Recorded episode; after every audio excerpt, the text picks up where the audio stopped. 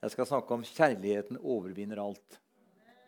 Og Det jeg tenkt på hele siden onsdag. Når jeg var på, på bønnemøte her på onsdag, så har det jobba i meg hele uka. her, sånn, og Jeg kommer til å, å, ta mange sider her som har med mellommenneskelige forhold, som har med vårt forhold til Gud, som har med vårt forhold til eh, de utenforstående, og som har med vårt forhold til hverandre, og vårt, eh, vårt forhold eh, eh, generelt på alle plan og på alle områder. hvordan Guds kjærlighet virker, og hvordan kjærligheten eh, slår ut i form av eh, manko på det. I form av sykdom, i form av plager, eh, i form av hvordan utilgivelse har veldig veldig kraftige negative sider i vårt kristent liv også. videre. Jeg skal prøve å liksom se hvor langt vi kommer i kveld. og så jeg opplever at Julebudskapet er at Gud elsket oss så høyt at han ga sin sønn denne våren på at hver den som tror på ham, ikke skal gå fortapt, men få del i evig liv. Så, og, Gud har vist sin kjærlighet mot oss alle gjennom at han sendte sin sønn i syndig kjøds lignelse. står det, Og så på den måten fordømte han synden i kjødet.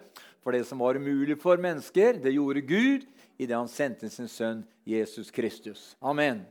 Og vi vet at Det er ingen fordømmelse for den som er i Kristus Jesus. For livets ånds lov, kjærlighetens lov, har i Kristus Jesus frigjort deg og meg fra syndens og dødens lov.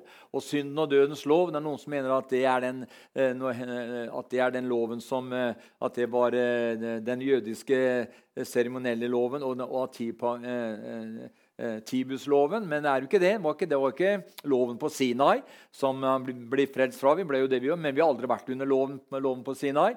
Det, er, det, er, det var en lov alene til det jødiske folket. Men livets ånds lov det var den som trådte i kraft når Adam falt. Eh, når Adam eh, brøt den Guds første bud, nemlig det at du kan spise alle trærne, frukten på alle trærne i haven, mens derimot eh, frukten på, det, frukten på treet til kunnskap om godt og vondt, det må du ikke røre. Det, det, var det, Og da, når bruddet var da, så kom, da trådte synden og dødens lov inn i verden. Vi ser jo det at når Adam og Eva synda, så døde de ikke fysisk, men eh, deres livsforhold til Gud det ble stengt, og deres ånd ble formørket. Dvs. Si at deres innvortes menneske det døde, og de fikk en mørk samvittighet. Ikke at de ikke kunne skille mellom, mellom, godt og vondt, men de fikk en samvittighet som ikke kunne kommunisere direkte lenger med Gud, som egentlig var Guds opprinnelige plan og Guds hensikt. Og som Gud har lovt gjennom hele Gamle testamentet, at det kommer en dag hvor han skal øh, skre, han sier at det er helt umulig for et menneske slik mennesket er i seg selv, å leve etter Guds forordninger. Men derfor sier han at det kommer en tid da jeg skal ta ut steinhjertet og så skal jeg legge inn et kjødhjerte, og så skal jeg skrive min lov i deres hjerter. Og når jeg det gjør, da, først da, sier profeten Esekiel, først da blir menneskene i stand til å kunne gjøre Guds vilje. Amen. Men vi er jo der, du og jeg, da. Ja, men nei, Da skulle alt være helt klart. Da. Ja, utgangspunktet er alt klart, men samtidig så er det en del saker og ting som Gud allerede har lagt ned i oss, som vi må velge å gjøre noe med. Amen. Eh, det står i Johannes 15 og i vers 9-12. Det står her som Far har elsket meg, sier Jesus, har jeg elsket dere. Bli min kjærlighet, og hvis dere holder mine bud, blir dere i min kjærlighet, slik jeg har holdt min fars bud, og uh, blir i hans kjærlighet. Dette har jeg sagt dere for at min glede kan være i dere, og deres glede kan bli fullkommen. Og dette er mitt bud. Dere skal elske hverandre som jeg har elsket dere. Og bare stanse litt her. Dere skal elske, Dette er mitt bud. Dere skal elske hverandre slik som jeg har elsket dere. Og, eh, og da man, hvordan elsket Jesus deg og meg da? Jo, han døde for deg og meg. Han døde for deg og meg. Og da blir det liksom tøft da, når han sier at på samme måte som jeg har elsket dere, så skal dere elske hverandre. Vi skal egentlig være villige skjønner du, til å dø for hverandre. Og jeg tror at den tiden vi nå går inn i nå før Jesus kommer igjen, og det hykleriet og religiøse systemet som kommer til å eh, prege samfunnet vårt nå, eh, med det grønne skiftet og alt det skitten det innebærer, i form av kontrollmekanismer for å styre enkeltindivider, så kommer vi til å få se at det er mer viktig enn noen gang at du jeg som er frelst og født på ny, forstår hvem vi er, forstår hvem vi tilhører, og er fullstendig klar over hvor vi skal hen, og at vi ikke lenger har vårt eh, vårt tilholdssted her på denne bakken. For dette er bare et midlertidig tilholdssted. Vi er Abrahams barn ved troen. Abraham sa ikke at han sa 'Jeg har ikke her noe blivende sted', sa han. Og det har vel ikke du og jeg heller? Har vi det? Ja, noen har ja, men der ligger tante begraven, der ligger pappa begraven, der skal jeg begrave, ligger oldefar bestefar. Det er greit, alt det der, men det er ut ifra den menneskelige, menneskelige, naturen. Men Abraham sa jeg har ikke her noe blivende sted, sa han. Men han så fram imot staden med de faste grunnvoller. Halleluja. Og det er nemlig det du og jeg skal gjøre også. Vi skal se framover staden med de faste grunnvoller. For livet her på jorden er en midlertidig tilstand bare. Som er, eh, som er ca. 7000 år fra Adam til, eh, til, en ny himmel og ny jord eh, kommer. Ja, men Er ikke jorda her eldre enn 7000 år? Jo da, jorda her er mye eldre. Eh, men den kan være for at, eh, Men ifra Adams fødsel så er det, og til avslutningen av tusenårsriket så er det ca. 7000 år. Og så kan noen begynne å regne på ja, er det 7000 julianske kalenderår eller er det 7000 profetiske kalenderår. For Den profetiske kalenderen er 360 dager i året, og den julianske kalenderen er 365 dager med skuddår hvert fjerde år. ikke sant? Så da blir det veldig vanskelig å finne ut datoer og nøyaktighet. da. Men sånn skal det være også. Men vi vandrer ikke, vi vandrer ikke i beskuelse, men vi vandrer med tro. Amen. Halleluja. Så, så det er, og dette er mitt bud. Dere skal elske hverandre slik som jeg har elsket dere.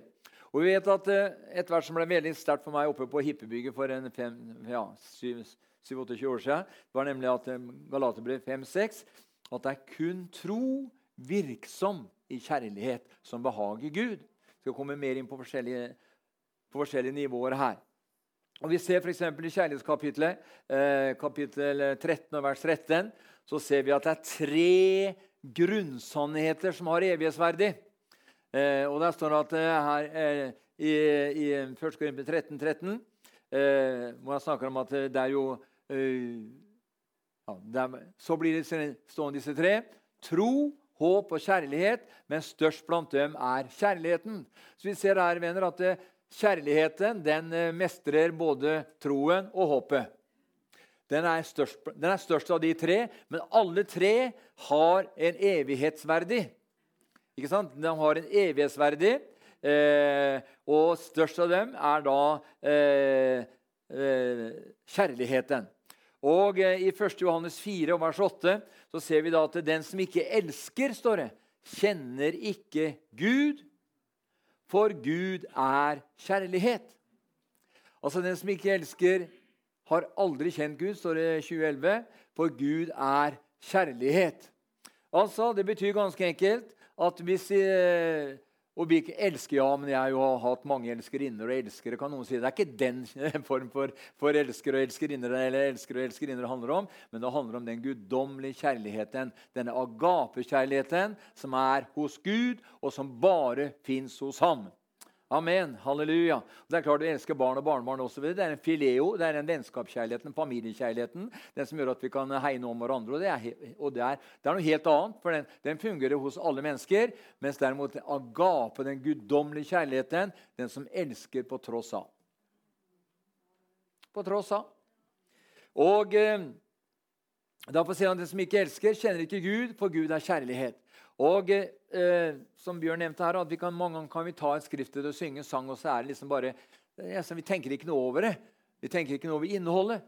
Og Jeg satt og så eh, fra Råde frikirke satt og så eh, på, på, på Kanal 10 om, eh, om han Alt Magnus. Alf Magnus. Han kjørte, den, kjørte, kjørte historikken om Hans Nilsen Hauge. Jeg kjøpte den, det heftet av, av Alt Magnus for 40 år siden. Da hadde han hadde han en masteroppgave på Universitetet i Oslo hvor han skrev om Hans Nilsen Hauge fra hans, eh, fra hans barndom og til hans eh, død som en 53 år gammel mann som hadde, etter at han ble frelst født på ny, satt mer inne i fengsel enn han var ute i det fri. Og eh, hvordan han på en måte, Det var egentlig så, så bra. altså. Han kunne liksom hele historien hadde, hadde i hodet. Så han bare kunne navnene på den og den lensmannen og den og den eh, søstera den og den broderen han hadde. Men han sier én ting, han, eh, han, eh, han, eh, Alf Magnus her, og det har jeg sagt, sagt tidligere også. Det var når Hauge sang den sangen 'Alt var, mitt, alt var som mitt der'. jeg gjerne vil miste. I det øyeblikket så slo Den hellige ånd ned i Hans Nilsen Hauge, og han ble døpt i Den hellige ånd. Og fra daga så tok Gud opp en mann fra allmuen. Og det kommer Gud til å gjøre nå òg. Han velger ikke professorer og teokrater. Han kan gjøre det òg. Han gjorde det med Paulus, han var en professor, men han var jo spesiell. Men tar, utgangspunktet så tar Gud helt alminnelige mennesker som deg og meg, som han salver, og som han utruster, og som han kommer til å vise sin herlighet på nå, før Jesus kommer igjen. Amen. Halleluja. Så, så, eh, og da sier hva er det skal jeg få avslutte med Hans Hauge. Det var ikke det jeg skulle altså, preke om, men så sier han da at og når han, Hauge sier det sjøl var når den, når den, strofa kom fra hans munn, han rød pleie ned på Rålsø der, da Den hellige ånd slo ned igjen. Og Da, da tok han liksom utgangspunkt i det at det handler med å, å miste seg sjøl. Den som mister sitt liv for min skyld, sier Jesus, han skal finne det. Så det er, det er, en del sånne, og du kan se på en del andre større eh, histori historiske predikanter som har blitt brukt mektig. Så ser du da at det er Eh, en del av dem ble brukt jeg kommer til å komme inn på det også, en del av disse predikantene ble brukt en veldig kort stund. Men så ble det 'her er jeg'. Og når 'her er jeg' kom inn i bildet, så forsvant salvelsen, og så forsvant kraften, og så forsvant gavene. Eh, og eh, Det er jo derfor Paulus også, som var så egentlig så skarp, han eh, snakka om den, der, eh, den, den torn i kjødet, denne Satans engel som virvla opp motstand mot den hele tiden. Så han ble både slått og plaget hele tiden for at han pga. sine høye åpenbaringer står det, ikke skulle ikke skulle forherre, for, opp, altså opphøye seg sjøl. For det er klart at det er, når du, had, når du har sånn, en, et, et, sånt åpenbaringsnivå som Paulus hadde, som fikk i oppdrag å fullføre Guds ord, så er det klart at der lå, lå det latent mange ting som kunne tenke sånn Ja, det er jo meg. ikke sant? Men Paulus og derfor sier han også derfor så dør jeg hver dag, sier han, for eders skyld i Kristus Jesus. Og Det er noen sånne eksempler som, eh, som kanskje eh, man på 80-tallet og delvis 90-tallet i trosvekkelsen ikke tenkte på. Bare at vi har det, og vi, eh, og, og, og, vi skal gå ut og tråkke djevelen under våre føtter. Og alt dette her, ikke sant? Og så var man ikke klar over at han kom bort i krefter som man kanskje egentlig ikke kjente dybden og rekkevidden av. Akkurat som eh, når overhengeren Mikael tretta med Lucifer Eh, vedrørende Satan, altså, vedrørende Moses legeme, så tørt, ville han ikke gå i nærkamp, står det. Men han sa 'Herren refse deg'. Eh, Lucifer sa. Så det er kolossalt sterke krefter på den andre siden, men de er beseira i Jesu Kristi navn. Og Det er når du og jeg lever i Han som har beseiret den onde, og vandrer i det nye livet som Han har gitt oss i Kristus Jesus, så vil også du og jeg leve som seierherrer her på denne bakken inntil vi reiser hjem. Amen. Halleluja.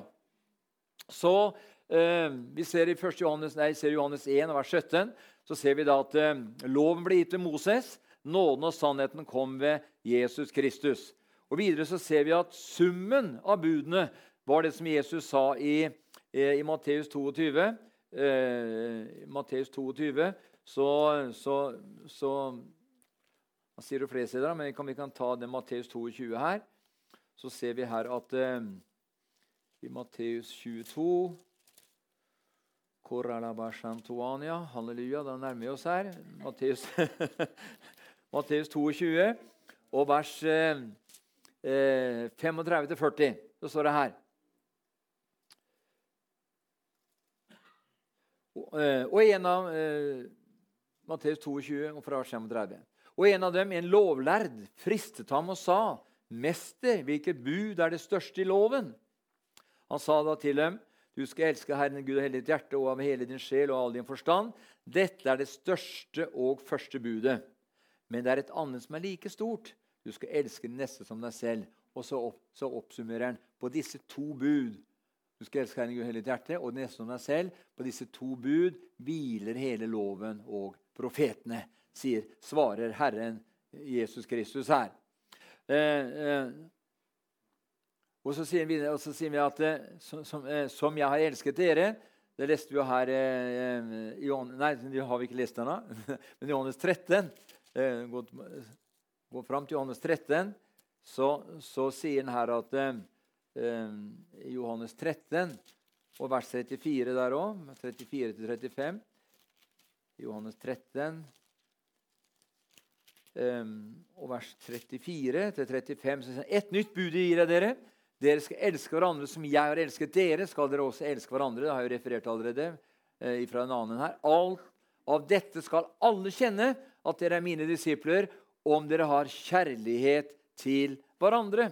Hva er det Jesus sier her? Et nytt bud gir jeg dere, sier han. Altså et nytt, Det kommer et nytt bud. Som jeg elsket dere, skal også dere elske hverandre. Og vers 35. Av dette skal alle kjenne at dere er mine disipler, om dere har kjærlighet til hverandre. Venner, dette er faktisk den nye pakts lov. Loven skrevet i våre hjerter. Med andre ord, under den nye pakt så er kjærlighetens lov, kan vi si også kalt den kongelige lov, et bud. Et bud, en forskrift, et bud. Altså, den som elsker sin neste, kommer tilbake til det, har oppfylt loven. Halleluja. Priset være Herrens navn. Og eh, vi ser her, venner, at nå er det bare ett bud som gjelder. Nemlig det å elske hverandre og det å leve i det. Eh, og dette er helt umulig for det gamle mennesket å leve i det budet der. At vi skal elske hverandre av hele vårt hjerte.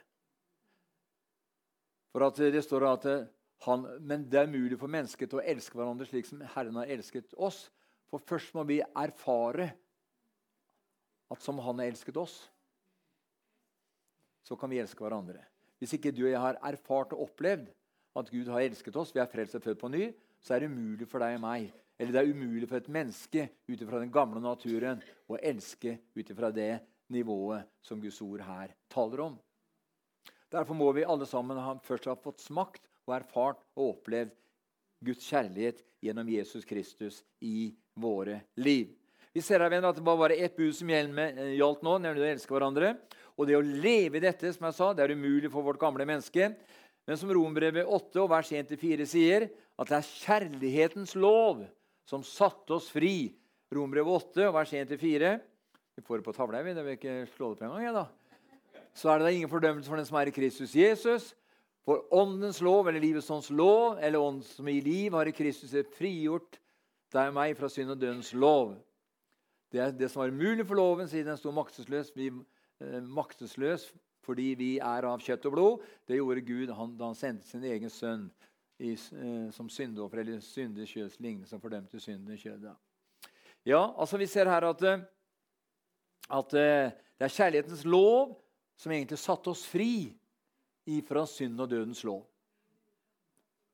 Kjærlighetens lov satte oss fri fra synd og dødens lov.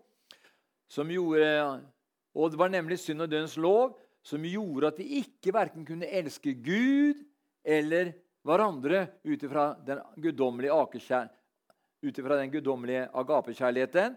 For fordi uten Guds lov skrevet i våre hjerter, venner, er det umulig å holde det nye budet. Vi skal elske hverandre. Men når Herren fødte oss på ny, utøste han samtidig, som Rombrevet 5.5 sier, Den hellige ånd er utøst. Han, han, han har utøst sin kjærlighet i våre hjerter ved Den hellige ånd, som er oss allerede gitt, står det. Men hva betyr det? Jo, det betyr at, at for Guds kjærlighet er utvist i våre hjerter ved Den hellige ånd, som Han allerede har gitt oss.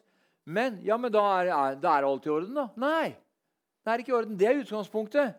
Gud har lagt det ned i oss. Men du og jeg, vi må bestemme oss for å leve det livet.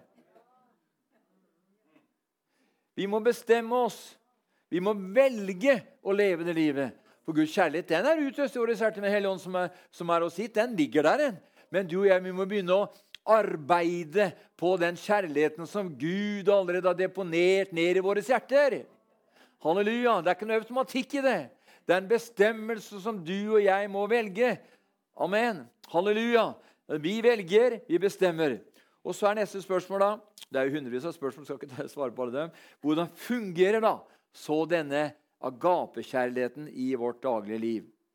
Jo, 2. Korintbrev 5 og vers 14 så står det at Kristi kjærlighet i våre hjerter tvinger oss til å gjøre det som er rett. Den tvinger oss. For vi vet at en er død for alle, derfor er de alle døde. Altså fordi, altså Kristi kjærlighet i våre hjerter, den tvinger oss til å gjøre det som er rett. Altså med andre ord, Hvis vi tillater og bestemmer oss for å følge den kjærligheten som Gud har lagt ned i våre hjerter med Den hellige ånd, som er oss gitt, så vil den tvinge oss, venner, til å gjøre det som er rett. Ja, men Er, man, er, på, er, er bokstavtrelldom? Nei, det er kjærlighetsbudet. det.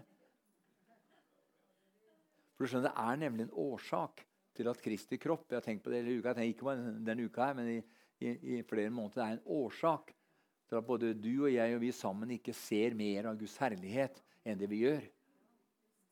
Og da må vi forsøke å finne ut hva er, hva er det vi har. Er, er det et eller annet sted vi har bomma? Ja, og det er det vi kanskje har. Ikke bare kanskje, men vi har det. Kristi kjærlighet til vårt hjerte tvinger oss til å gjøre det som er rett. 2. Korint 5, 14. Og, frem, og 1. Peter 4,8.: Fremfor alt. Altså Når det blir ordet 'fremfor alt', så er det ikke noe annet som kommer fram. Det er ikke noe annet foran der da. Fremfor alt. Fremfor alt. Ha inderlig kjærlighet til hverandre, fordi kjærligheten dekker over en mangfoldighet av synder. Eller overtredelser. Eller eh, feiltrinn. Altså Det er ikke sånn at hvis du elsker søstera di eller broren din av hele ditt hjerte, og så har broren din eller søstera di eh, sånn, eh, Ikke fysisk, men det fysisk, men, men, eh, men som frelst bror og søster, så, så, er det en eller annen søster eller en bror som har gjort et eller annet som ikke er så ille bra. som ikke kanskje Da er ikke du den raskeste, da er ikke du den raskeste til å, til å publisere det rundt omkring vi? Eller er vi det? Nei. Det kan hende at vi har vært det, men det er slutt nå. Ikke sant? Det er slutt nå. Fordi, at, fordi kjærligheten, den guddommelige kjærligheten den dekker over en mangfoldighet av synder. Eller skjuler, står det her. En mengde synder. Men hva mer gjør kjærligheten da? Jo, Romerbrevet 14 vers 10 sier at den dømmer ingen. Den dømmer ingen.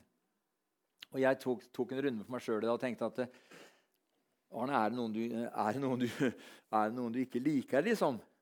Sånn, ja, I det naturlige så kan det være folk du liker mer eller mindre. ikke sant? Men er det noen du har liksom noe imot, da? Eller har hatt imot? da?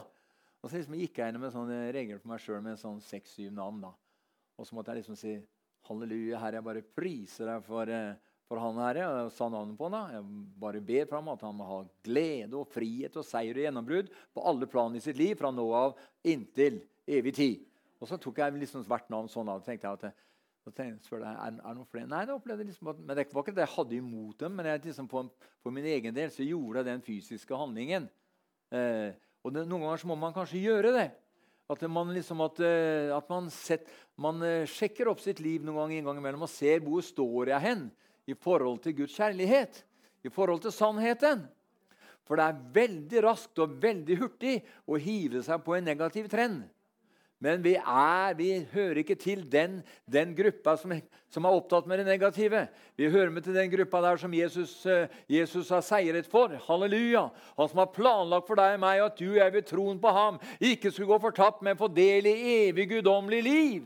Og ved troen på det voldsomme verket som Jesus tilveibrakte på Golgata kors, idet han stilte makten og myndighetene åpenlyst i skue, idet han triumferte over dem på korset. Halleluja, denne kolossale seieren. Halleluja, som ikke hjalp bare deg og meg og menneskeheten, men hele universet. Og hele denne eh, universale planen som Gud har for all framtid, den tilveibrakte Jesus Kristus ved, ved, som et offerlam Eh, på Golgata kors for tid og for evighet. Halleluja. Så må Herren bare åpenbare for vårt hjertevenne hva vi er frelst fra, og hva vi er frelst til, og hvilket rike vi har gått fra, og hvilket rike vi har gått inn i. Halleluja! Vi tilhører Han som døde og sto opp igjen for oss alle, venner. Halleluja! Og Derfor bør vi ikke frykte noe menneske. Vi bør ikke være redd verken for den ene eller andre. Hva tenker hun, hva tenker han, hva sier dem? Blås i det! Det viktigste er at du og jeg gjør det Gud viser oss. Halleluja! Og Vi skal ikke stå noen menneske til regnskap for allikevel, men vi skal, en dag stå til regnskap for Han som døde og oppstendt for oss alle. Amen. Halleluja. Ja, men hva vil han si? Hun si? det blåser en lang marsj i. Det blåser en lang marsj. Altså. Bare jeg har ren samvittighet og vet at det jeg holder på med, det er i samarbeid med Den hellige ånd ved Kristus Jesus. Amen. For synspunkter har mennesker, altså. Ja. Den dømmer ingen. Leste her. Den dømmer ingen. Og Paulus snakker om denne kjærligheten i, i 1. Korinterbrev 14, og vers 1, at vi skal jage etter den. Altså Det vil si at vi skal jage etter den. Den der, den, den der agape. Vi skal jage, jage etter kjærligheten. Ja, men Hvis han er utøst i våre hjerter, da? Ja, men det er noe der, da. Ja, men vi må få, vi må få den i funksjon. Vi må jage etter den. Halleluja. Og vi kan vokse i nåde og i kjennskap. Vi kan vokse i kjærlighet. Vi kan vokse i tro. Vi kan vokse ut ifra det nivået som Gud i utgangspunktet har lagt ned i oss ved troen på Hans fullbrakte verk. Når du og jeg ble en ny skapning i Kristus Jesus, så deponerte Gud et visst nivå på forskjellige områder i våre liv. Men de områdene kan vokse. Troen kan vokse. Kjærligheten i våre liv kan vokse osv. Og, så og så er neste først Jeg har tolv sider. Jeg er side én her nå. Men jeg sa jo da at det blir ikke på én time, dette her. Men hvordan vet du og jeg da at vi har gått over fra døden til livet? Jeg husker det var et menneske som, jeg, som spurte meg en gang, så fikk jeg det verset der. Så sa hun det. Det løste meg, sa hun. Jo, det står 1. Johannes 3, 14. På dette vet vi at vi har gått over fra døden til livet fordi vi elsker våre søsken. Eller elsker våre brødre, som var 88-årshelsen. Eller våre søsken, brødre. Da vet vi det. For det er mange som lurer på det når de har gått over. De er tvilende. vet du. Jeg hørte på en predikant en gang. Ja, det er, det er sunt å kunne tvile innimellom, sa han fra. Er det noe sunt å kunne tvile? Nei. Det er ikke noe sunt i hele tatt. Men vi vet at vi har gått over fra døden til livet fordi vi elsker hverandre. Halleluja. Det er kjennetegnet. Og, og Johannes han var jo kjærlighetens apostel, var kalt det. Men det er ikke det at de, og, og, det var han som Jesus elska. dere sier nå, han elska alle, alle, sammen like mye. han. Men det var han som la seg inntil Jesu bryst der i, i Getsemane når Judas kom. Ikke sant? Og så står det det, for han, han var så glad i Jesus. han. Det var det med andre, men han viste det mer, mer tydelig. da. Og så sier Jesus sannelig, sannelig, sier dere, en av dere skal få råde meg. Og så ser vi det. Peter vet du, han vil gjerne vite hvem det var. vet du. Men han vil ikke stille spørsmål direkte sjøl. Så sier han til Johannes, 'Johannes, spør du, da.' spør du, Johannes. Men det skjønner du og jeg, som har blitt født på ny. Det var jo før, var jo før den nye fødselen. da. I dag er, en, er, vi, på, er vi på nyttfødte skap. Vi vi, vi er født på nytt. Og derfor så kan vi bare så, så, så derfor vil ikke jeg gå til Per eller Pål og spørre om det og det. Nei, jeg kan si, Herre, jeg har et spørsmål som jeg ikke har ordentlig svar på. Men jeg ber om at du må hjelpe meg. Du må hjelpe meg, Jesus. Og så kan det være sånn som Bjørn som er midt på natta får et ord klokka tre til seg sjøl, og så kommer klokka fem så får han et ord til innledning i kveld. Ikke sant? Da, ikke sant? Det er Herren, Herrens ånd Ånden vet alle ting. Ingen kan vite hva som bor i menneskets ånd uten menneskets ånd. Heller kan ingen vite hva som bor i Gud uten Guds ånd. For ånden ransaker alle ting, også dybdene i Gud. Amen. Halleluja. Som jeg sa, jeg sa at kjærligheten er lovens oppfyllelse. Det finner vi i Rombrevet 13,10. Der står det at kjærligheten er lovens oppfyllelse. Så loven, vi bør ikke bruke mer tid på den. For hvis du vandrer i kjærlighet, så lever du i lovens oppfyllelse. For da nemlig kjærligheten er lovens oppfyllelse. Men Jesus kom ikke for å oppheve loven, han kom for å oppfylle den. Og den som lever i lovens oppfyllelse, han, nei, den som lever i kjærlighet, han lever i lovens oppfyllelse. Videre, men kjærligheten gjør ikke sin neste noe vondt. I Efesbrevet Eh, kapittel 4 og vers 2, så ser vi at den bærer over med hverandre. Der har vi den allerede. Raskere enn litt. Det er bra, Kristian. I mildhet, ydmykhet og storsinn. Så dere bærer over med hverandre i kjærlighet, sier Paulus i Fesbrevet 4,2 her. Og ifølge Rombrevet 12, eh, 20, så gjør den til og med at vi gir våre fiender mat om de sulter. Men er din fiende sulten, så gi ham mat. Er han tørst, så gi ham drikke. Gjør du det, så samler du glødende kull på hans hode. Altså Det der glødende kullet på hans hode det, altså Hvis din verste fiende ligger der og, og, og, eh, og, og hopper tørstehjel, og, og du kommer og gir ham å drikke Da samler du altså, ikke sant? Da er det noe som skjer i den eh, søstera eller den mannen der. ikke sant? For da, altså, da samler du glødende kull på hans hode. Og det står om kjærligheten i Galaterbrevet. Mot slike er loven ikke, står det. Det vil si at Hvis du og jeg vandrer i kjærlighet, ydmykhet og alt dette som det innebærer, kommer mer inn på det etter hvert, så vil vi se da at det, mot slike har loven Den, den, den, den tier stille. For mot slike er loven ikke. Halleluja. Så skal vi se på et vers her i Rombrevet 13. som jeg, jeg tror jeg har vært innpå det en gang tidligere, men jeg, vi kan ta det nå. Dette er med rombrevet, eh, rombrevet dette her med å bli, skyld, bli ingen noe skyldig utenom det å elske hverandre.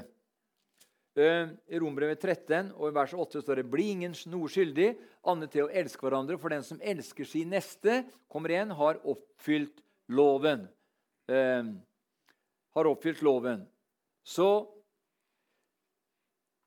det betyr egentlig uh, bli ingen noe skyldig uten å elske hverandre. Det betyr egentlig, som jeg har skrevet opp her, det, det betyr ikke å ha noe uoppgjort med hverandre. Vi kan ikke gå og omgås hverandre og ha noe uoppgjort med hverandre. Det må gjøres opp. Det må gjøres opp. Jeg husker på Tensentertida på 70-tallet. Finn Olav var det der på 70-tallet. Jeg ble kjent med han i 75. Så var, da, var, da var det en, en regel i, blant, eh, blant pasientene, jeg på å for å kalle dem pasienter, da, at, eh, for der kunne det skje litt av hvert. Men altså, det var at, og Særlig hvis de hadde noe uoppgjort med hverandre. så Der kjørte Ole Bjørn og den gjengen de kjørte veldig på at er, det, er det et eller annet dere har mot hverandre, så må dere gjøre opp med hverandre. Og det er Noen som faktisk tror i dag at dette handler om å ikke ta opp lån i en eller annen form. Men det er ikke det dette verset handler om. Jeg tror at dette verset betyr følgende Vi har en kjærlighetsgjeld til alle. Og denne gjelden vil aldri bli nedbetalt. Vi må bare fortsette å vandre i kjærlighet og elske hverandre. Kjærligheten er nemlig den langsiktige gjelden vi har til alle. Og denne gjelden, venner, kjærlighetsgjelden, må vi betale på så lenge vi lever. Og måten vi nedbetaler denne gjelda på, for å si det sånn, det er å elske hverandre. ja, det er, ja, dette her høres liksom sånn, kanskje litt sånn abstrakt ut, men dette her er, det er grunnsannheter som har med vårt liv å gjøre, og vårt forhold til Jesus og vårt forhold til hverandre å gjøre, og som har med, den, som har med det potensialet som du og jeg er, eller er når vi praktiserer livet, og hva Gud kan betro oss i dager som kommer. Og Vi vet at veien til makt med Gud venner, det er å leve i kjærlighet, fordi Gud er kjærlighet. Og vet at en av de, en av de eh, Eh, de sidene ved, ved, Guds kjærlighet, det er at vi tilgir hverandre. Tilgivelse. Han sier i Fesbrevet 4,32 så sier han da at kjærligheten, den tilgir. Vær gode mot hverandre. Vis medfølelse og tilgi hverandre, slik Gud, til, Gud, har tilgitt dere i Kristus Jesus. Så kjærligheten, den tilgir. På samme måte sier han Vis medfølelse til hverandre slik Gud har tilgitt dere i Kristus Jesus. Så er spørsmålet hvordan tilga Gud meg og deg? Fullkomment. All min synd fram til den dagen jeg sa ja takk til Guds nådegave, som er evig i Kristus Jesus, så var alt jeg hadde gjort fram til det tidspunktet, det var totalt vekk. Det var borte. Det var borte. Jeg har ikke drevet rota i det i hele tatt, så jeg ble frelst. Nei. Interesserer meg ikke. Jeg, den, den, gangen så var jeg død i mine synder og overtredelser. Som Efesbrevet 2 vers 1 snakker om, osv. Men nå er jeg jo ikke, men nå er jeg ikke død i mine synder. Jeg var en gang død i mine synder og overtredelser. Men nå har jeg blitt oppreist med ham. Halleluja. Jeg har, blitt, eh, jeg, jeg tatt imot ham. Jeg jeg, har, eh, har blitt, jeg har dødd med ham. Jeg har blitt begravet med ham med dåpen til døden. Og så har jeg oppstått med ham. Og I dag så sitter jeg hos ham ved Faderens høyre hånd i himmelen, i sammen med Han som lever av og ved å gå i forbønn for deg og meg. Dette er evangeliet!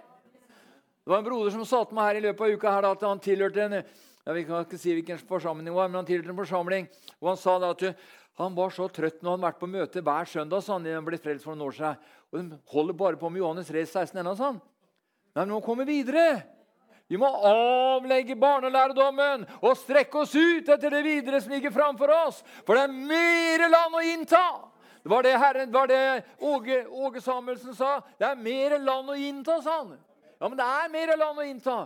Til og med Paulus sa vi forstår stykkevis, han. Men det er mer land å innta. skjønner du. Og Gud vil at vi må la det der grunnleggende om frelse og dåp i vann og omvendelse fra døde gjerninger Det hører med til grunnlaget i frelsen vår, venner. Og Hvis vi hele tiden holder på og plasker inni den, der, den, der, den, der, den der plaskedammen hele livet vårt, venner, så får vi aldri skue og aldri oppleve hva som fins i dybdene der ute. Det var derfor Herren sa til, sa til apostlene sa til disiplene kast ut på dypet. sa han. Han hadde holdt på inn med land. og der var det, holdt på, Ungene holdt på helt på land hvor en sånn 30 cm høyt ute. Der er en varma stå der. vet du. Ikke sant? Men der kan det komme litt av simpa og sånn småfisk flyende sånn, en gang imellom. Ikke sant? Det kan være.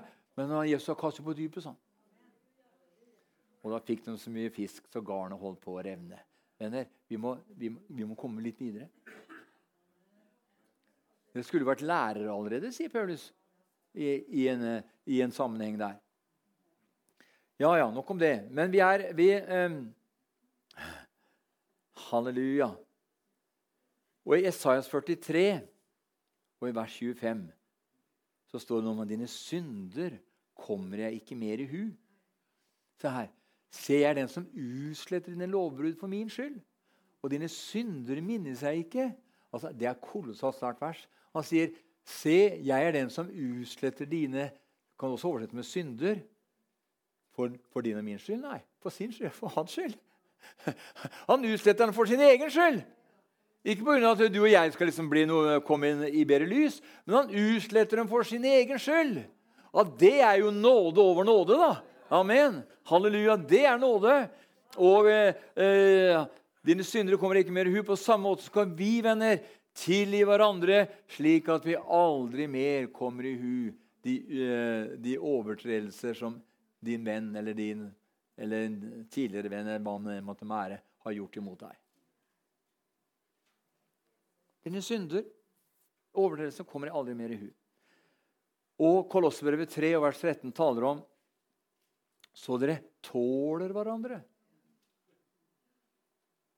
Så dere tåler hverandre. Jeg husker en, en kristen eh, en person sa til meg for mange mange år siden ja, han der, der hater jeg. sa Hæ? Han der, der hater jeg. Det går ikke an, vet du. Kan ikke være frelst og født på ny og vandre i Guds kjærlighet og hate noen kommer også tilbake til det liten, litt seinere her. Det går ikke an, vet du. Nei. Nei, det går ikke. Halleluja. For Herre, kjærligheten tilgir. Og, eh, og vi kommer aldri mer i hu. Dine synder kommer ikke mer i hu, leste vi her i Isaias 43, 25.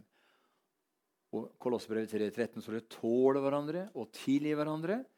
Og dersom du og jeg sier at vi har tilgitt venner, og fortsatt bærer nag ja, jeg har tilgitt han, ja. Ikke sant? Nå setter du opp sur mine, liksom. Men da har du fortsatt litt nag. vet du. Da har du i sannhet ikke tilgitt. Vi pleier litt dypt der i kveld, for vi skal inn på dypet. Vi skal, ha, vi skal bli delaktige i de rike gavene. Vi vil se døde stå opp. Jeg vil se lamme gå.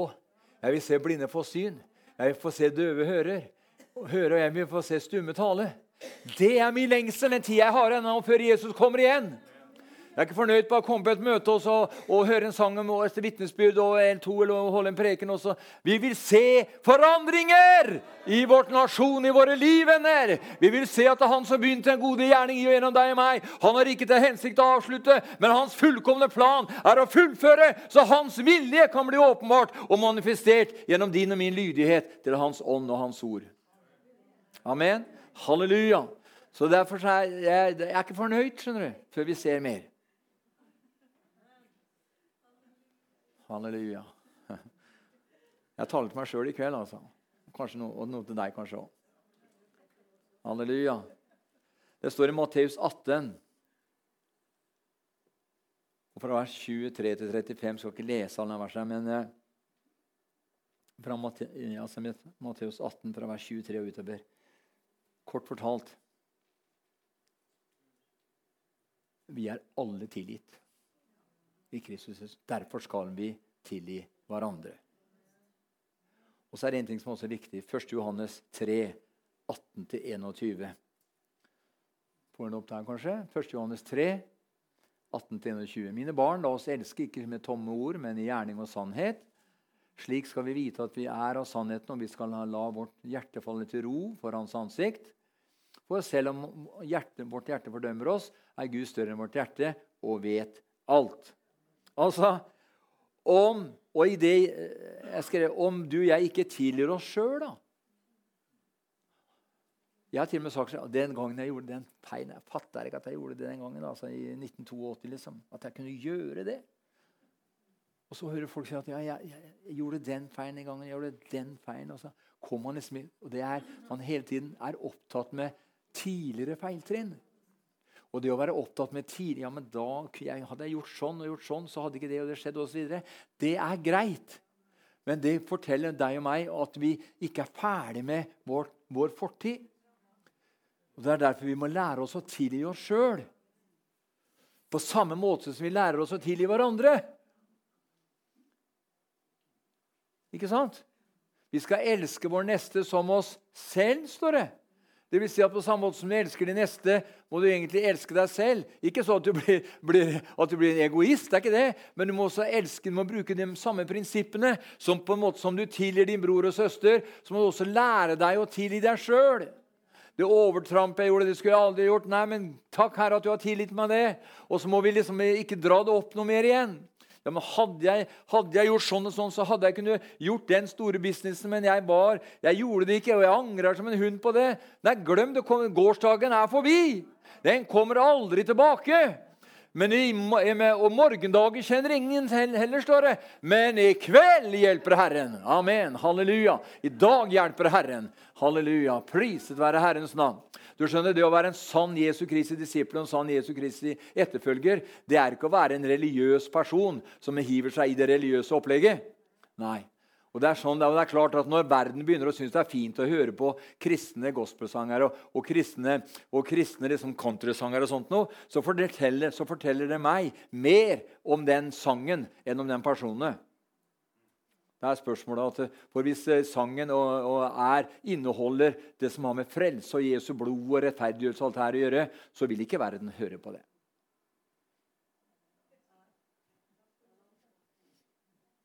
Ikke sant? Som var med Åge Samuelsen. En hel del, de brukte på dansemusikken. De dansa til Åge Samuelsen sang en del. Det var sånn. Ja, for En del av dem var litt lettsindige. Ikke, kanskje fæle ord lettsindige, men de var litt lettåndelige var en som sa til meg en gang, han sa det sånn, og han hadde rett.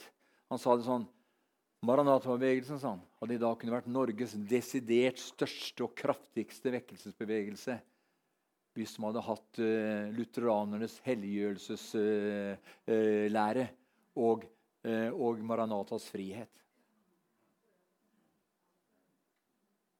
Men når det bare ble frihet, vet du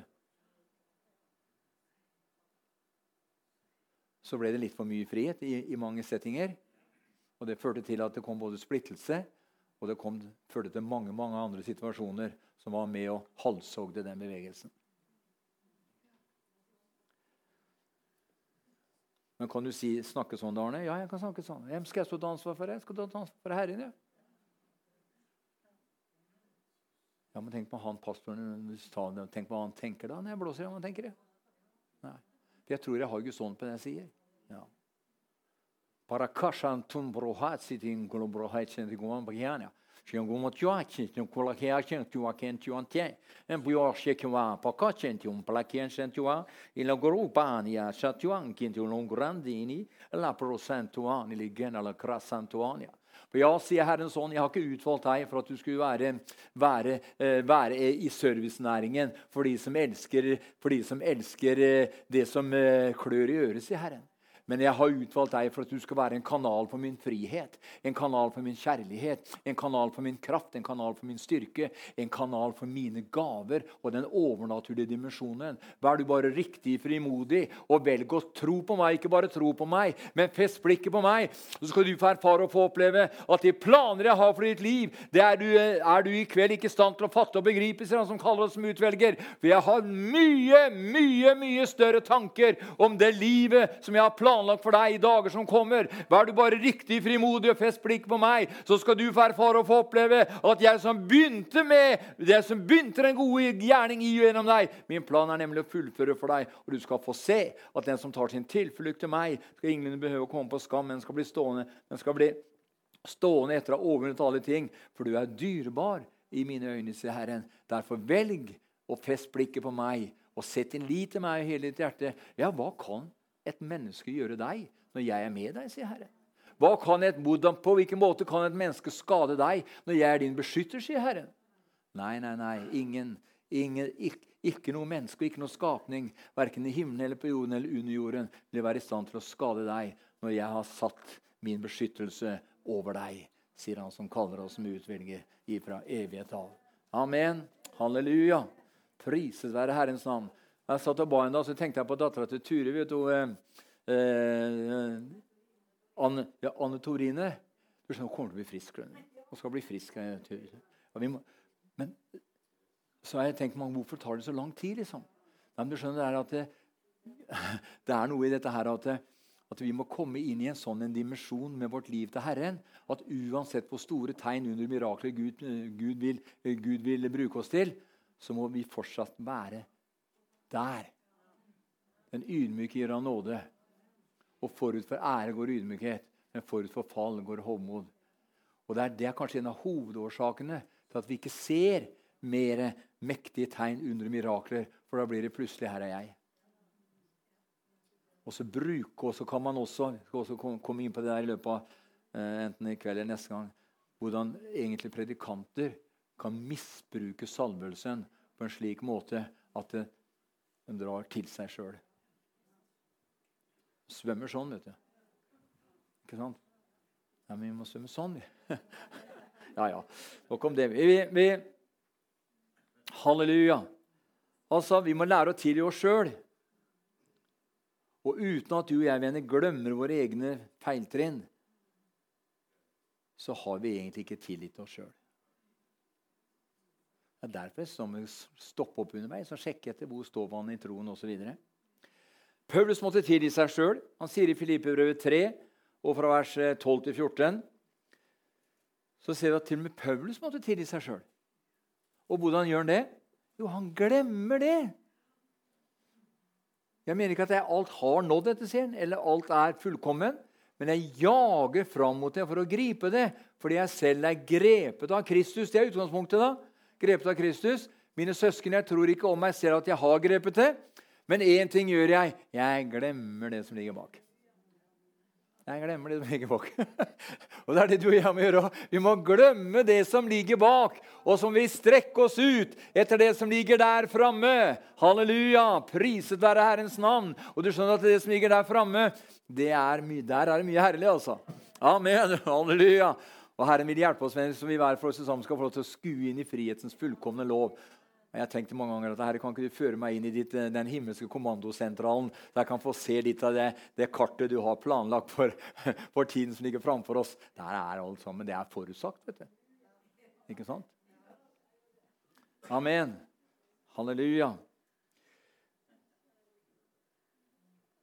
Og hvorfor måtte Paulus glemme det som ligger bak? Jo, en av årsakene var han hadde forfulgt Guds menighet. Kan du si at Det var et våpen djevelen kunne slå på han hele tida? Ja, men du var med, stein, var med samtykka i steinelsen av Stefanius og, og var med å herje og forfulgte dem, de, de, de altså troende. Eh, han hadde vært med, han hadde forfulgt Guds menighet. Og da kan Vi skal ikke slå opp noen verser nå, men i 1. Timoteus kapittel 1, fra vers 11 til 16. Så vi ser at det, og, og, blant, og i apostlene 9 1-6, så ser vi da at det, dette er grunnene til at Paulus glemmer det som ligger bak, og strekker seg ut til det som ligger foran. For Hvis Paulus skulle sitte fast i alt han hadde holdt på med, så kunne han ikke ta, få nye ting fra Herren. Han skulle videre, han skulle fullføre Guds ord. Han fikk oppdrag å fullføre Guds ord. Og, da, og, og Djevelen han slår på alt han kan. Han vet du. Han slo på Paulus hele tiden. han. Men han måtte derfor si jeg, må, jeg glemmer det som ligger bak Seg. Så han hadde egentlig utgangspunktet tilgitt seg sjøl. Og det må jeg gjøre, og det må du jeg gjøre også. Ja. Og uansett hva det måtte vært og ikke vært, det betyr absolutt ingenting. Men vi må tilgi oss sjøl. Halleluja. Liksom Jesus tilga deg og meg, så tilga han oss ikke bare en del av våre, av våre problemer, men han tilga oss fra dypet av sitt hjerte. Og vi må også tilgi hverandre og tilgi oss selv på dypet av våre hjerter. Halleluja. Så når Paulus var inne på det i 1. Korintbrev 14,1, eh, når han taler om å jage til kjærligheten, så må årsaken være at kjærligheten er på en måte eller den guddommelige agapekjærligheten er nøkkelen til framgang for hver og en av oss her i livet. Det er nøkkelen til framgang. Ja, men jeg skal være så opptatt med framgang. Nei, Gud vil vi skal ha framgang. Han vil vi skal ha framgang. Så når man ikke tilgir, venner, så lagrer en på et fiendskap. Man lagrer et, fiends, man lagrer en, eh, et fiendskap som til slutt vil ødelegge deg sjøl.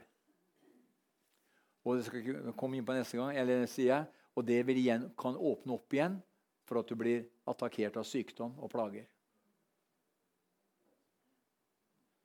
Nattverdsmåltider. Vi skal ta en, ta en, runde på det etter hvert òg. Og der står en del ting om årsaksforhold som kan gjøre at det er mange syke og mange skrøpelige blant dere, og mange dør for tidlig. Heggen, mener, han sa eh, at manglende tilgivelse er verre enn å bli bitt av en klapperslange. Sånn. Hæ? Fordi dersom man går og bærer på uforsonlighet, så vil det på et tidspunkt føre til at du blir syk. 1. Peter 3, vers 8-9.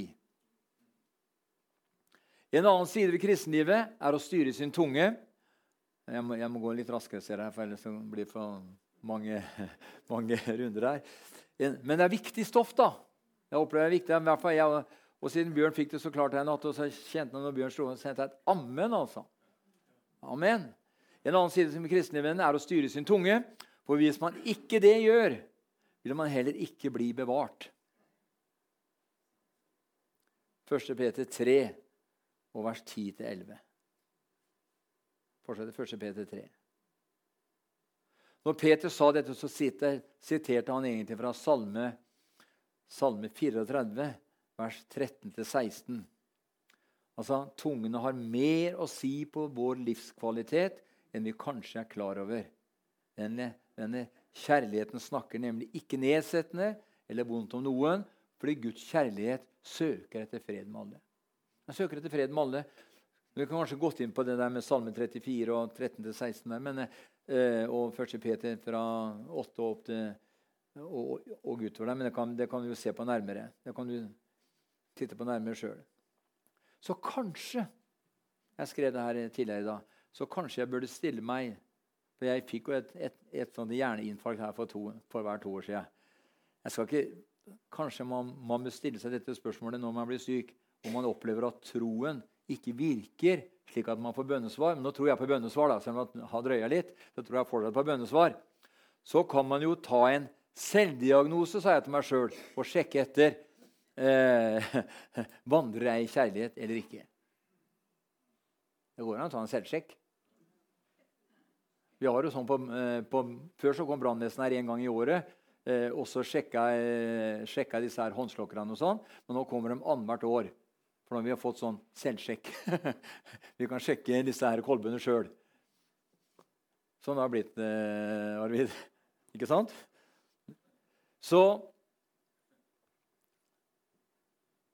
Og i 1. Peter 3,12 så vi kan, kan, slå opp det, slå opp det for jeg må referere en del av det fra Peter der. Men i 1. Peter 3 og i vers 12 så står det her at eh, For Herrens øyne er over de rettferdige, og hans ører er vendt til deres bønn, men Herrens åsyn er over dem som gjør ondt. Altså Dette verset betyr egentlig venner, at Herrens øyne er vendt mot de som vandrer i kjærlighet. Og 1. det 13 som var innpå, sier at kjærligheten ikke gjør, gjør noe ondt. Dvs. Si, dersom man lever i utilgivelse og snakker nedsettende om andre, så lever man faktisk ikke i Guds kjærlighet. Og det å ikke vandre i kjærlighet, det er synd. Og det å vandre i lyset, det er å vandre i kjærlighet. Dersom vi vandrer i lyset liksom han er i lyset, sier 1. Johannes 1, da har vi samfunn med hverandre. Og Jesus Guds sønns blod renser ifra all urettferdighet. Så når det gjelder skriftstedet 'Hvem er du som fordømmer?' eller 'dømmer en annen tjener', så betyr dette at du og jeg overhodet ikke har noen rett til det. Vi har ingen rett til det, fordi Herren sier 'Jeg skal se til å holde ham oppe'. Og han sier her i Rombrevet, i Rombrevet 2 og i vers 1 så sier han her at eh, I Rombrevet 2 Eh, og i vers 1 så sier han derfor er du uten unnskyldning. Du menneske, hvem du enn er, som dømmer. Fordi du dømmer en annen, fordømmer du deg selv. Du som dømmer, jo, gjør jo selv det samme, sier han her. Og så sier han i Rombrevet 14 og i vers 4 så sier han her at eh, så sier han her at Hvem er vel du som dømmer? En annens tjener. Han står eller faller for sin egen herre, men han skal bli stående, for Herren er mektig til å holde ham oppe. Det er, forskjell på det å dømme og gå og snakke med og kanskje veilede og rettlede og prøve å formane. Det er noe helt annet. Men det å, eh, å, å, å dømme, det er ikke behagelig, for det er, dommen hører Gud til. Dommen hører Herren til. Så husk hva Jesus sa. Med det samme mål dere måler opp med overfor andre, skal dere selv bli tilmålt eller dømt etter i Matteus 7,2. Så hvis jeg er veldig hard mot eh, broren min, så, så vil jeg bli dømt like hardt fra Herren. Derfor er det greit at vi er, liksom, at vi er forsiktige. Heggen forteller at uh, en gang kritiserte han en annen, en annen predikant fordi han virket så rotete i en viss sak som han skulle forklare. Så sa Herren til han, 'Hadde du hatt de samme utfordringer som denne personen har, så, har, så hadde heller ikke du klart å mestre den oppgaven på en skikkelig måte. Da tok Herren refsen. Da falt jeg på mine knær, sier han, og sa, 'Herre, kan du tilgi meg?' Herre, kan du tilgi meg? I det samme øyeblikket ble han kvitt den plagen som han der og da hadde, hadde opplevd. Ja, han har rota seg fælt. Men, men du er ikke dermed sagt at du vet hva som er årsaksforhold som ligger bak et annet menneskes handlinger. Det er derfor vi skal være forsiktige og heller være, være, være kloke og, og viselige på sånne områder. Da. Halleluja. Så Matteus 7,1.: Døm ikke for at dere skal, ikke skal bli dømt. Dette betyr klartekstvenner at når vi dømmer, så dømmer Herren oss. Halleluja. Og Jeg var inne på det tidligere her, 1. Peter 4,8 og ordspråkene 10,12, at kjærligheten dekker eller skjuler en mangfoldighet av synder og overtredelser. Jeg leste om en mann som, fra USA som nå hadde blitt 90 år. Han ble frelst i sin ungdom, og han ble intervjua.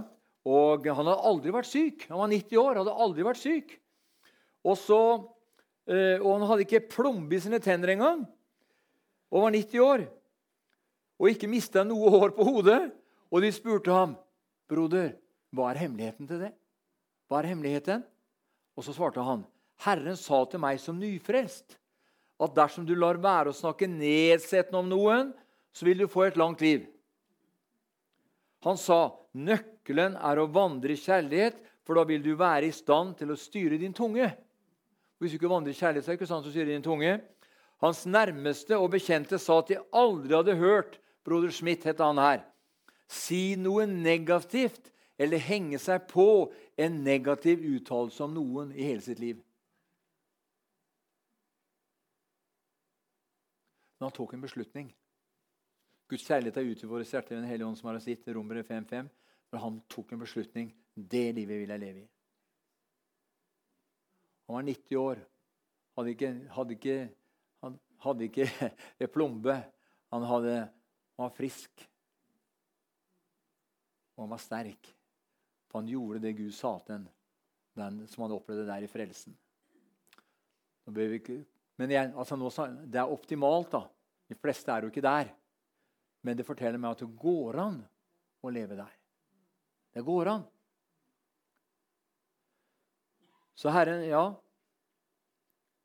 I Efesbrev 4,32 og Efesbrev 5, vers 1-2, er skrevet ikke til verden, men til kristne. Og Guds kjærlighetsvenner er ikke bare full av tilgivelse, den er også uselvisk. Guds kjærlighet tenker nemlig først på andre. Halleluja. Halleluja. Nå har vi fått mye skriftsteder her i kveld. altså. Kirolo breshi, kirolo brenduania. Halleluja. Vi kan ta noen til da, før vi eh, avrunder her i kveld.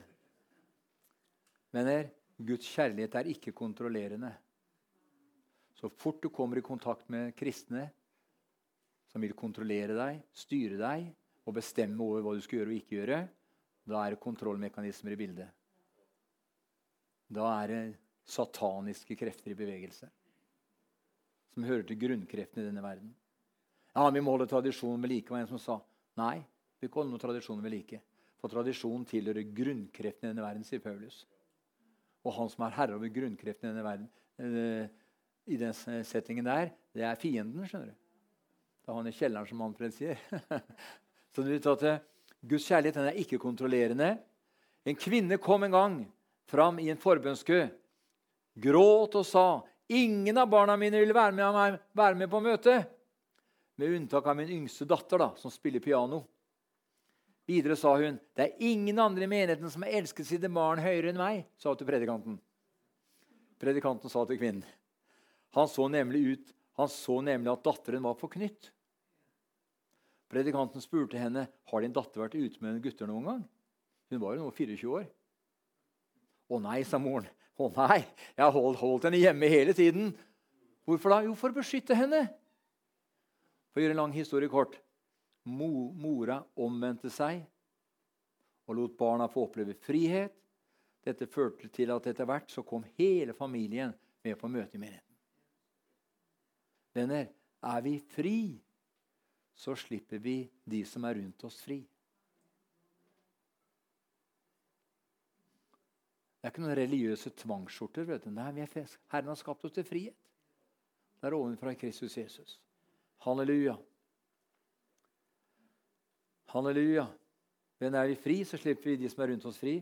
Fordi tvang og kontroll fører til ødeleggelse. Husk, kjærligheten tror alt, håper alt og tar alt i beste mening. Mange kan være, grunn, være klok kanskje grunne på disse ordene en gang imellom. Amen. Halleluja. Og, Gud, og, Gud, og Guds kjærlighet den gir jo. Johannes 3, 16, For så høyt har Gud elsket verden, at han gav sin sønn denne bårne, for at hver den som tror på ham, ikke skal gå fortapt, men av det leve liv. For Gud sendte ikke sin sønn til verden for å dømme verden, men for at verden skulle bli frelst ved ham. Hæ? For Vi har så lett for å stoppe med Johannes 3, 16. Vi må ha med vers 17 òg.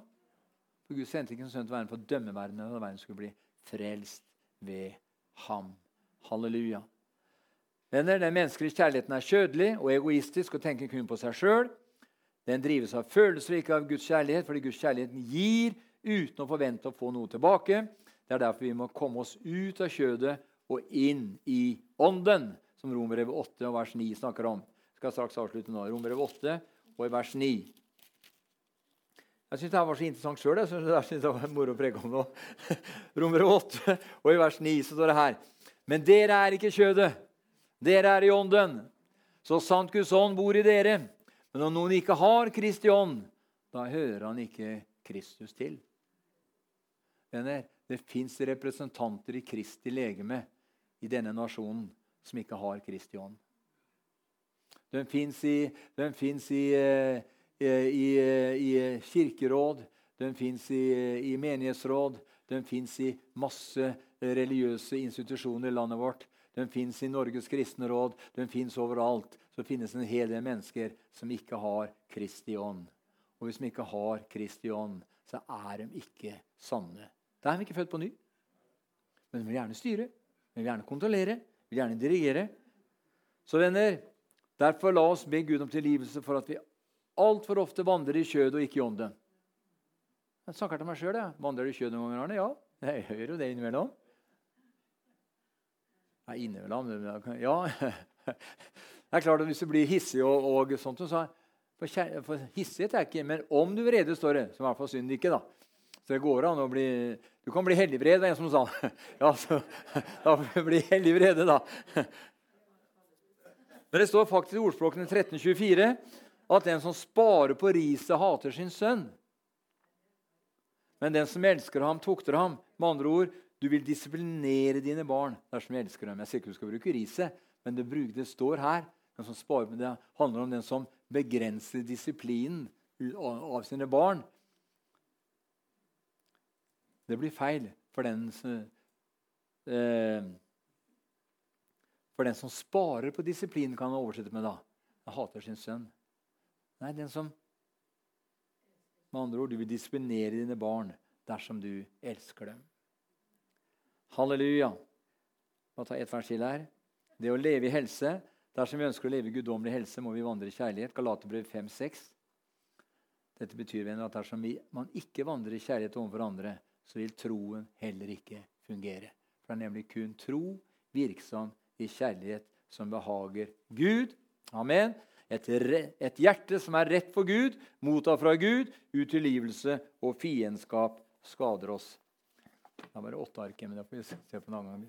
Kom på en, skal vi bare prise Herren litt til slutt her nå i kveld. Amen. Halleluja. Det er så rikt. Det er så, det er så mye stoff her. Så, eh, og jeg har blåst fort gjennom de der versene her, men vi forstår at det, er Jeg har kjent på det hele uka, og helt siden onsdag, at, eh, at nøkkelen er å leve i den agape, guddommelige kjærligheten. For den åpner veien inn til himmelens, skatt, himmelens skattkammer. Halleluja. Halleluja. For kjærligheten blir ikke oppblåst heller. vet du. Så hvis du ber for to døde som står opp, da, tre lamme som går, og fire blinde som ser, og to døve som hører, og, og seks stumme som taler, så bare priser du Gud. vet du. Halleluja. Halleluja. Selv om media kommer og sier at 'Hvem er du?' Hvem er, hva kommer det av? Nei, du bare priser Gud. Halleluja. Ikke sant? Så du, vi, må, vi, må, vi, må, bevare vårt hjerte fremfor alt som bevares for selve livet utgår fra det. Amen. Halleluja.